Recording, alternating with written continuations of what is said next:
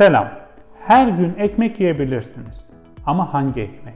Bu konuda bana çok soru geliyor. Ben ekmek bağımlısıyım, ekmeği bırakamıyorum. Ekmek zararlı mıdır? Ekmek yemesek kilo verir miyiz?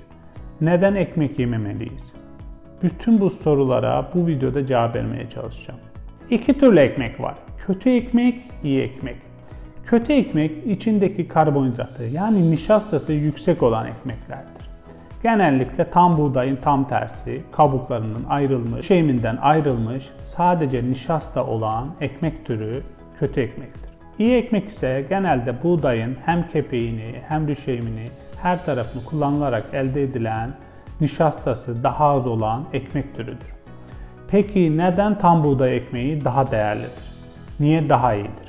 Öncelikle buğdayın yolculuğuna bir bakalım.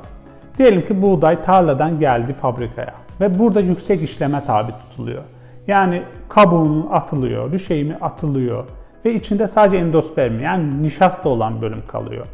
Peki bu bölümler buğdaydan niye atılıyor?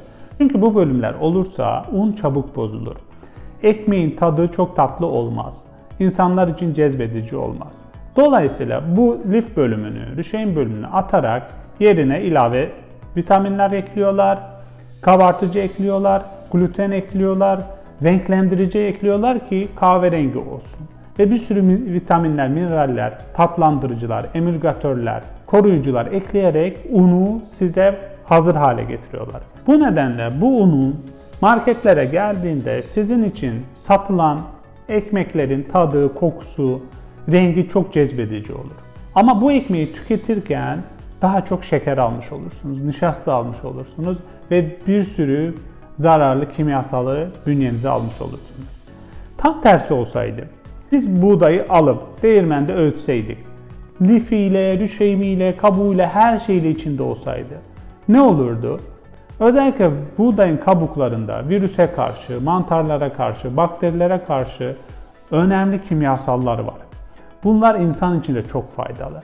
Diğer taraftan düşeyminde çok değerli fitokimyasallar var ki bunlar bağırsağımızdaki bakteriler için gerçekten bir bayram havası. Bunları tükettiğinde bağırsaktaki bakteriler kısa yağ asitleri oluşturur, vücut için çok yararlı bileşikler oluşturur, bağışıklık sistemimizi güçlendirici bir sürü etkisi olur. Diğer taraftan düşeymde bulunan spermidin denilen bileşik uzun ömürlülükle ilişkilidir ve uzun ömürlülük genlerini aktive eder. Bu nedenle Anadolu'da, Akdeniz'de yaşayan insanlar gerçekten uzun ömürlü oluyorlar. Bunun en büyük sebebi spermidin kimyasalıdır. Yine tam buğdayda karbonhidratla lif oranı 5'te 1, 6'da 1 oranındadır. Beyaz unda ise karbonhidrat oranı life göre 20 kat, 25 kat daha fazladır. Bu da beyaz unun zararları ile ilgili önemli ipuçları veriyor. Peki en sağlıklı ekmek hangisidir? Çeşitli tahıllardan arpa, buğday, çavdar, kara buğday, mısır bunları karıştırarak elde edilen un ve undan yapılan ekşi mayalı ekmek çok faydalıdır. Ama bunlar genelde pastanede veya marketlerde çok az bulunur ve oldukça pahalıdır. Bu noktada aslında bu ekmeği evde de çok kolay yapabilirsiniz. Ama ekşi mayayı yapmak gerçekten uzun süren bir süreç.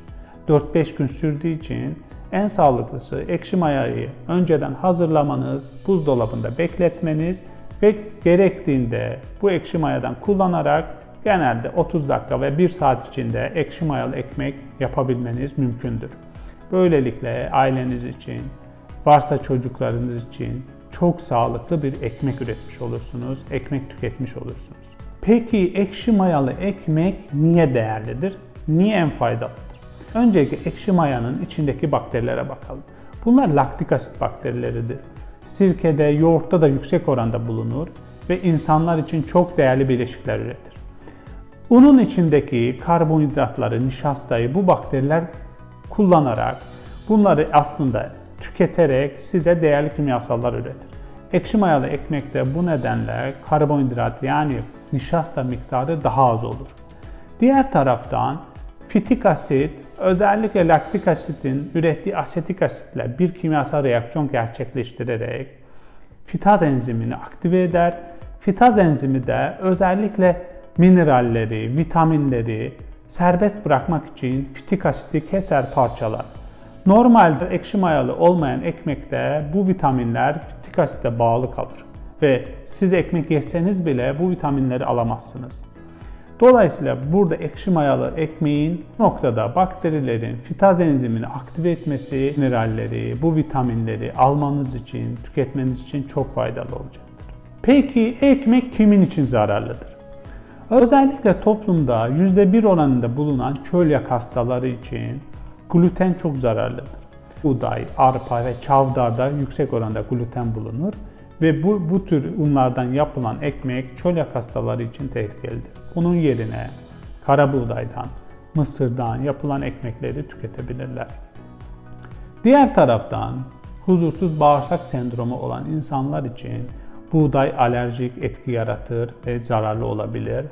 Bu nedenle buğday yerine yine arpa ve çavdar yerine diğer tahıl türlerinin unlarından yapılan ekmekleri tüketmeleri onlar için çok faydalı olacak.